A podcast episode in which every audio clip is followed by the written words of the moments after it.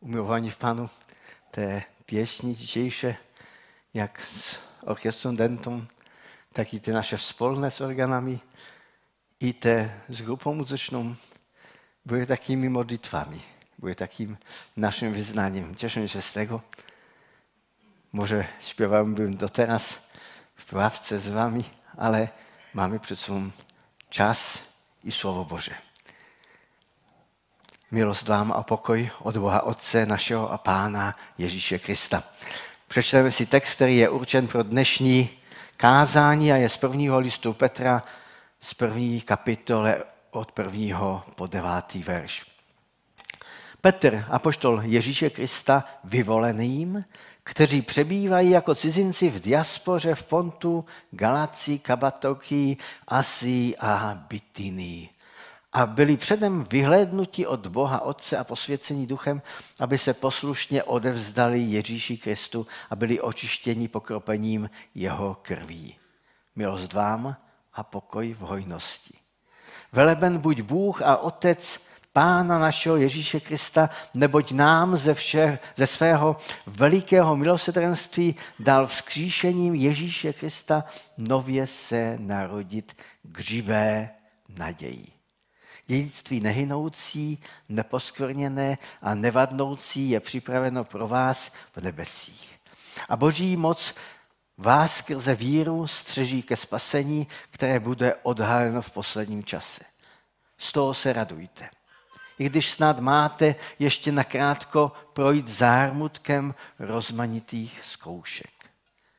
Aby se pravost vaší víry, mnohem drahocennější než pomíjející zlato, jež přece též bývá zkoušeno ohněm, prokázala k vaší chále slávě a cti v den, kdy se zjeví Ježíš Kristus.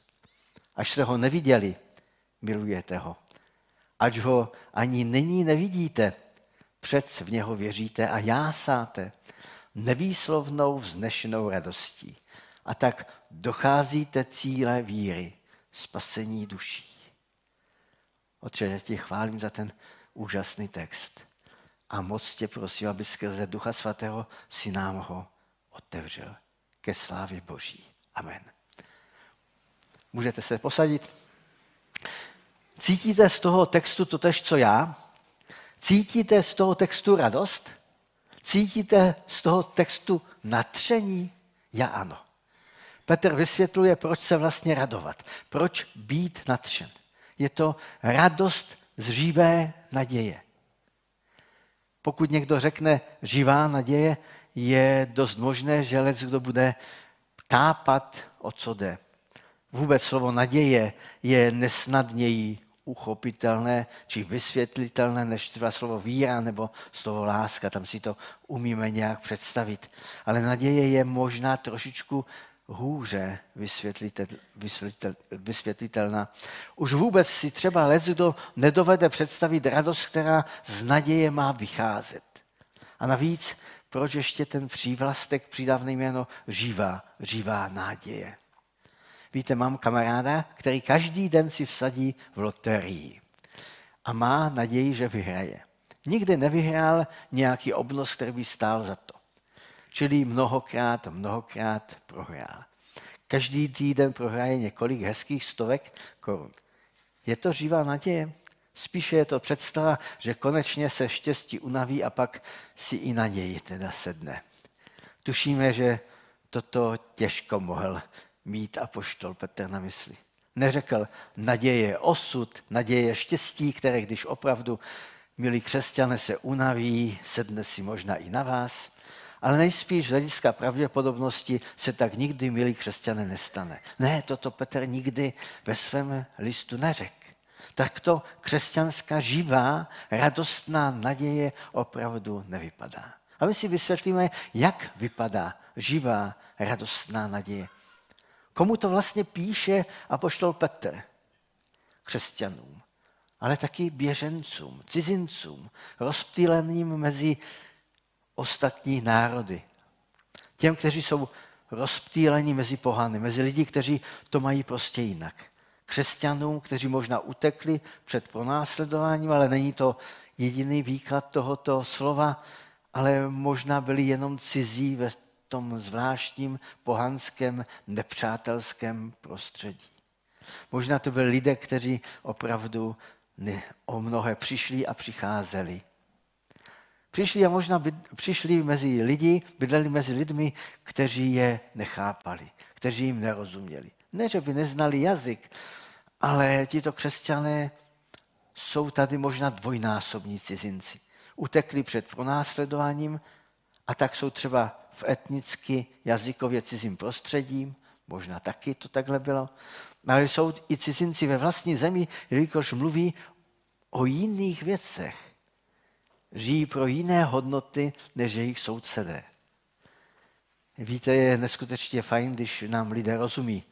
Když rozumíme i my jim. Byl jsem teď celý týden v Polsku a bylo to krásné, že jsme mi mohli celý týden mluvit s lidmi, kteří to měli jinak a bylo to takové obohacující. Bavili jsme se o práci a o věcech, které prožíváme. A to je dobře, když se domluvíme a když je nám spolu dobře a když ti lidé, kteří kolem nás jsou, nás chápou. Ale zkusím pro názornost jeden příklad za všechny. Byl jsem na oslavě. Velice bohatý člověk měl narozeniny. Pozval osobní i pracovní přátele, byl jsem pozván ku podivu i já. A na těch akcích je nebývalé důležité, aby si člověk včas našel zpřízněnou duši, se kterou je možno hovořit, pak jinak to je náročné. A samozřejmě musí zaparkovat svoje auto tak, aby mohl zmizet.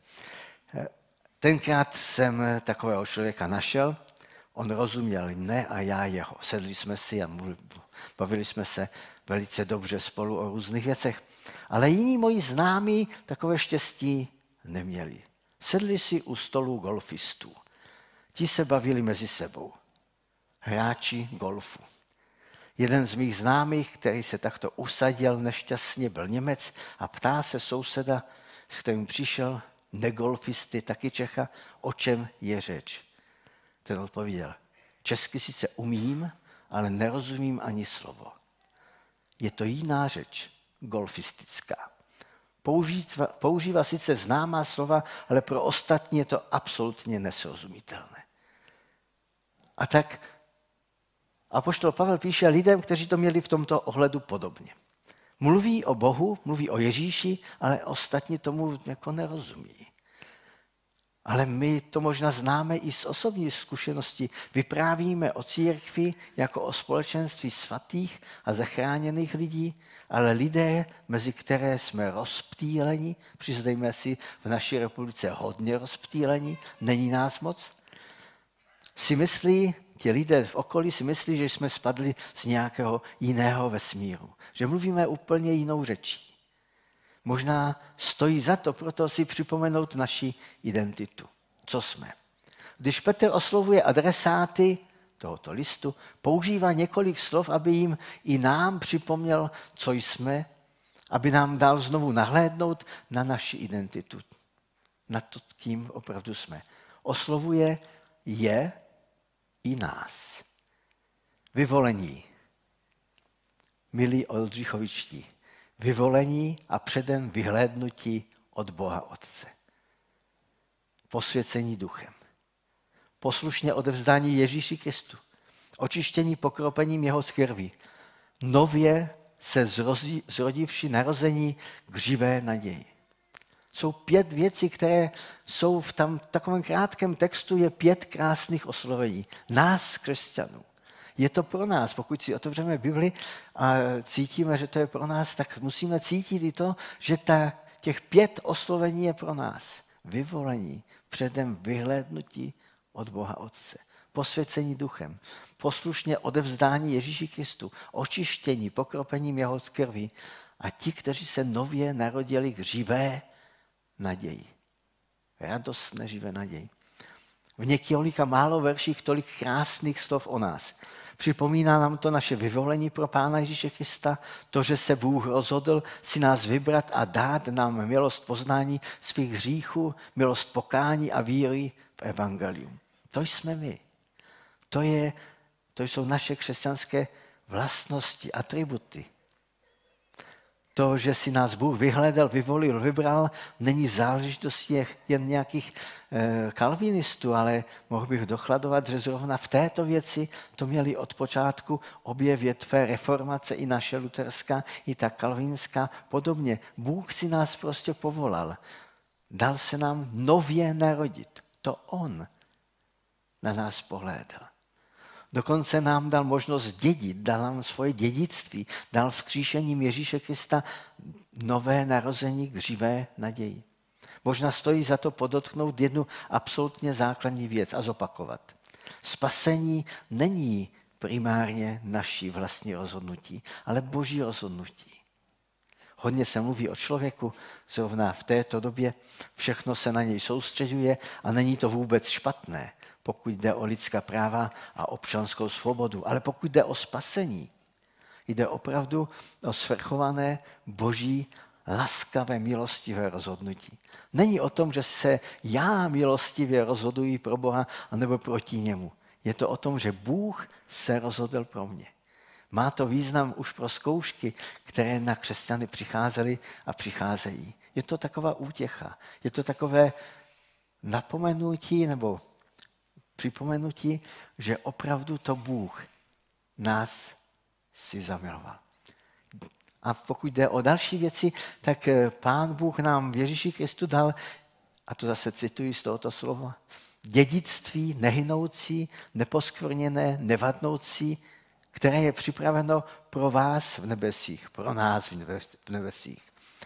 Petr připomíná, že jsme bohatí, že jsme dědicové, že naše bohatství nepomine, není zatížené ničím negativním, žádnou duchovní hypotékou, žádný, žádným druhem. Po letech nestratí nic ze své hodnoty. Ten náš majetek, který je v nebi, po letech, po věky nestratí nic ze své hodnoty. Víte, mluvil jsem s člověkem, který předával svůj majetek dědicům a s hrdostí mi pak hlásil.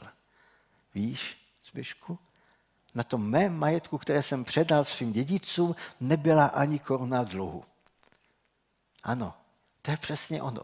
Na našem dědictví v Pánu Ježíši Kristu není ani koruna dluhu. Vše bylo zaplateno. Ve synu Pánu Ježíši Kristu. A toto třikrát ne k tomu dědictví, nehynoucí, neposkvrněné, nevadnoucí, je znak dokonalosti toho dědictví.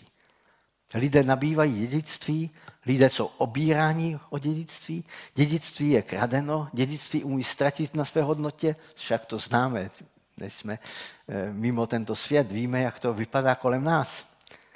Lidé se ženou za svým dědictvím, soudí se o své dědictví a snaha mnoha lidí v dějinách právě dokazuje, že to třikrát ne je opravdu důležité. Zopakujme nehynoucí, nevadnoucí, neposkvrněné. Majetek. Majetek nebí. Lidé mnohokrát v dějinách přicházeli o všechno. Mnohokrát byli, bylo jednotlivým lidem, celým národům, celým společenským skupinám lidí řečeno, cože, tvoje dědictví, to, že bys rád nechal svým potomkům, že bys převzal po svých předchůdcích majetek, nenech se vysmát. Všechno bereme, všechno zabavujeme. Ve jménu strany, lidu, národa, rasy. Mnohokrát to tak bylo. Víte, někdy se dívám na moje vnuky a vnučky a tak se ptám sám sebe, co jim vlastně nechávám. Když to vezmeme úplně z gruntu, tak hrozivý státní dluh, zničenou přírodu, já už svého vnuka nezavezu do České Kanady, aby se podíval na hluboké, krásné lesy. Do mé nejdelší smrti už ty stromy nestačí vyrůst. Je to problém. Stačí málo a z domu jsou sutiny, stačí málo a peníze ztratí svou hodnotu. Jaké dědictví zanecháme? Dědictví rozdělené společnosti, strachu, nenávisti. Víte, necítím se úplně komfortně, když si o, to, o tom přemýšlím. Kolik roku budou naši dědicové toto naše problematické celostátní dědictví splácet. Ale tady je protiváha. Protože ani tehdy to nebylo lepší. Ani tehdy, když psal apostol Petr, to nebylo lepší. Jako protiváha je tady opravdu jiné dědictví. Dědictví víry a naděje. A to bych rád předal. Nejen svým přímým potomkům, potom toužím, nejen svým vnukům, ale i církvi. Rád bych předal právě onu živou naději, že to má smysl. Že to má smysl, i když to třeba na zemi, a my to víme ze zjevení svatého Jana, nedopadne a nedopadá úplně dobře. Naše naděje opravdu neskončí a nekončí u Sasky a sportky, ale jak potom vypadá živá naděje. Z naděje se radujte, soužení buďte, buďte trpěliví a v modlitbách vytrvalí. Naděje je důvod k radosti. Naděje je radost toho, že víme, že víme, že to má smysl. E, nevím, možná to máte jinak a možná to máte stejně, ale já se docela často setkávám s dvěma skupinami lidí. Lidmi, kteří ví, jsou o tom skalopevně přesvědčení, že to nemá smysl, že vlastně nic nemá smysl. A lidmi, kteří i když vidí, že věci jsou náročné, tak bojují, snaží se, vymýšlejí stále způsoby, jak to udělat, aby to mělo smysl. S jakými lidmi, s kterou skupinou je lepší se setkávat? Řekněte mi. Víte, mohu s vám říct a přiznat se k tomu, že nerad se setkávám s lidmi, kteří aniž cokoliv udělají, dopředu vědí, že je to k ničemu. A rád se naopak setkávám s lidmi, kteří jdou do toho, když tuší, že to opravdu bude náročné. A jdou do toho třeba s radostí. Kteří ale vědí, že jejich snažení má smysl. Není to, strát, není to jen ztráta času, pokud se bavíme s lidmi, kteří vám vyznávají, že to nemá smysl, ale je to taky ztráta energie, kterou se dá využít něčemu dobrému. Vědomí smyslu Vědomí, že to má smysl, je neskutečně důležité. V koncentráku, a četl jsem o tom několik knih, přežili hlavně ti, kteří měli naději, že má smysl přežít. Říct, že už to nemá smysl, tam znamenalo jistou smrt. A, Pat, a Petr, apoštol Petr říká několikrát, nemáte to jednoduché, milovaní cizinci mezi svými. Je to náročné, já to vím, ale má to smysl. Jednak proto, že pokud vás Bůh vyvolil, už proto to má smysl. A pak je tu to ono dědictví nevadnoucí, nehynoucí, neposkvrněné, nestrácející hodnotu, nezničitelné a bez jakéhokoliv kazu. Uložené v nebeském království. V nejlepší bance v celém vesmíru. Víte, před několika před měsícem bylo několik dotazů, co mám dělat se svými penězi, když máme tak velkou inflaci. Telefon, nebo se mě někdo ptal. Říkali, teď za ty peníze koupím dům, ale za rok možná půl domu. Co mám s tím dělat? Co mám dělat, aby, kde ty peníze uložit? Majetek, dědictví, někdy se dá totiž zhodnotit, jindy ale hodnota takového toho našeho majetku jde šupem dolů. Dokonce takové to zlato, které je investiční, do toho se dá peníze dávat, má velké výkyvy. Jednou se vyplatí do toho investovat, jindy prodat. A zase máme Bibli, která říká, ten příklad použije Petr, víra, ať je jako duchovní investiční zlato. Někdy se dá zlatu pomoci v uvozovkách, že se osmíchá se stříbrem nebo s cínem, nebo prostě se sníží ta hodnota zlata ve slitině. Ani v přírodě nebývá zlato úplně čisté, většinou bývá v podobě aurum, což teda znamená elektrum, teda co znamená promíchané s jinými um, kovy. Ale apoštol Pavel říká, to zlato je třeba protavit, vytavit, příměsi. Víte, víra totiž bývá leckdy zkoušena. Víra i naděje bývá leckdy zkoušena. A Petr nás nabádá k živé radostné naději. Co to je? Co to je živá, neradostná naděje? Je to vědomí, že to má smysl. Je to radostné vědomí, má to věčný smysl. A jsem opravdu šťastný, když to vědomí smyslu je tady, a teď budu dovolíte, více adresný, když je to vědomí smyslu v našem zboru znát.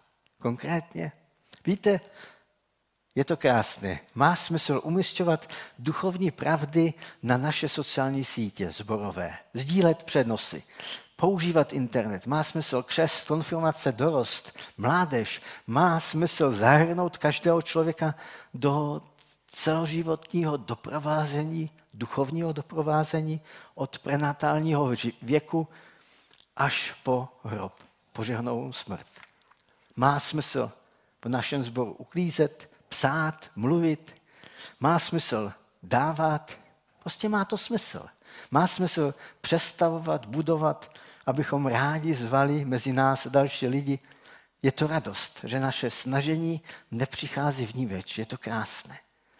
Nejen to, živá naděje je v tom, aby se v našich srdcích rodily sny o tom, jak můžeme být podobní více Ježíši. Sny o tom, jak to ještě posunout dál. Aby lidé radostně prorokovali, čili přinašili opravdu boží vize do tohoto zboru. Radostná, živá naděje je vědomí, že každá modlitba má smysl. Že každý vztah mezi námi, bratry a sestrami, má smysl. Že žádná slza a pláč se sourozenci ve zboru není zbytečná záležitost. Že každé mílé slovo, každý úsměv má smysl. To je radostná naděje. Věřím, že jsem nic nového neřekl. Je dobré ale si lecos uvědomit. To je radost zřivé naděje. Petr považoval za dobré to těm lidem, kteří byli bombardováni nepříjemnými zprávami, znovu připomínat. Má to smysl. Má to smysl. Jste povolání k živé naději. Má smysl vydržet. Má smysl se postavit vůči zlému. Má smysl bojovat. Má smysl do toho jít. O nás v Oldřichovicích se jinde říká, tady se hraje, tady se pracuje, tady se rád dodává peníze na dobré věci, tady je pořádek. Ale já vnímám ještě jeden rozměr našeho sboru. Tady lidé vědí, že to má smysl. Tady jsou lidé, kteří byli povoláni k radostné křesťanské naději. Nejde jen o ten pozemský smysl, pozemské dědictví, ale to bohatství v Pánu Ježíši Kristu mimo tuto zem. Radost z živé naděje je radost toho, že život pro Boha a s Ježíšem Kristem má smysl. Milovaní, jsme povolaní k radostné naději. Má to smysl. Budeme se modlit. Otče, já tě chválím za to, že jsi nám dal své slovo. Chválím tě za to, že tolik si nám dal ve svém synu Ježíši Kristu, že máme absolutně dokonalé bohatství v Pánu Ježíši Kristu. A moc tě prosím, abychom nikdy o něj nepřišli. A chválím tě za to, že tvoje slovo nám tohle naše bohatství v Pánu Ježíši Kristu připomenulo. Amen.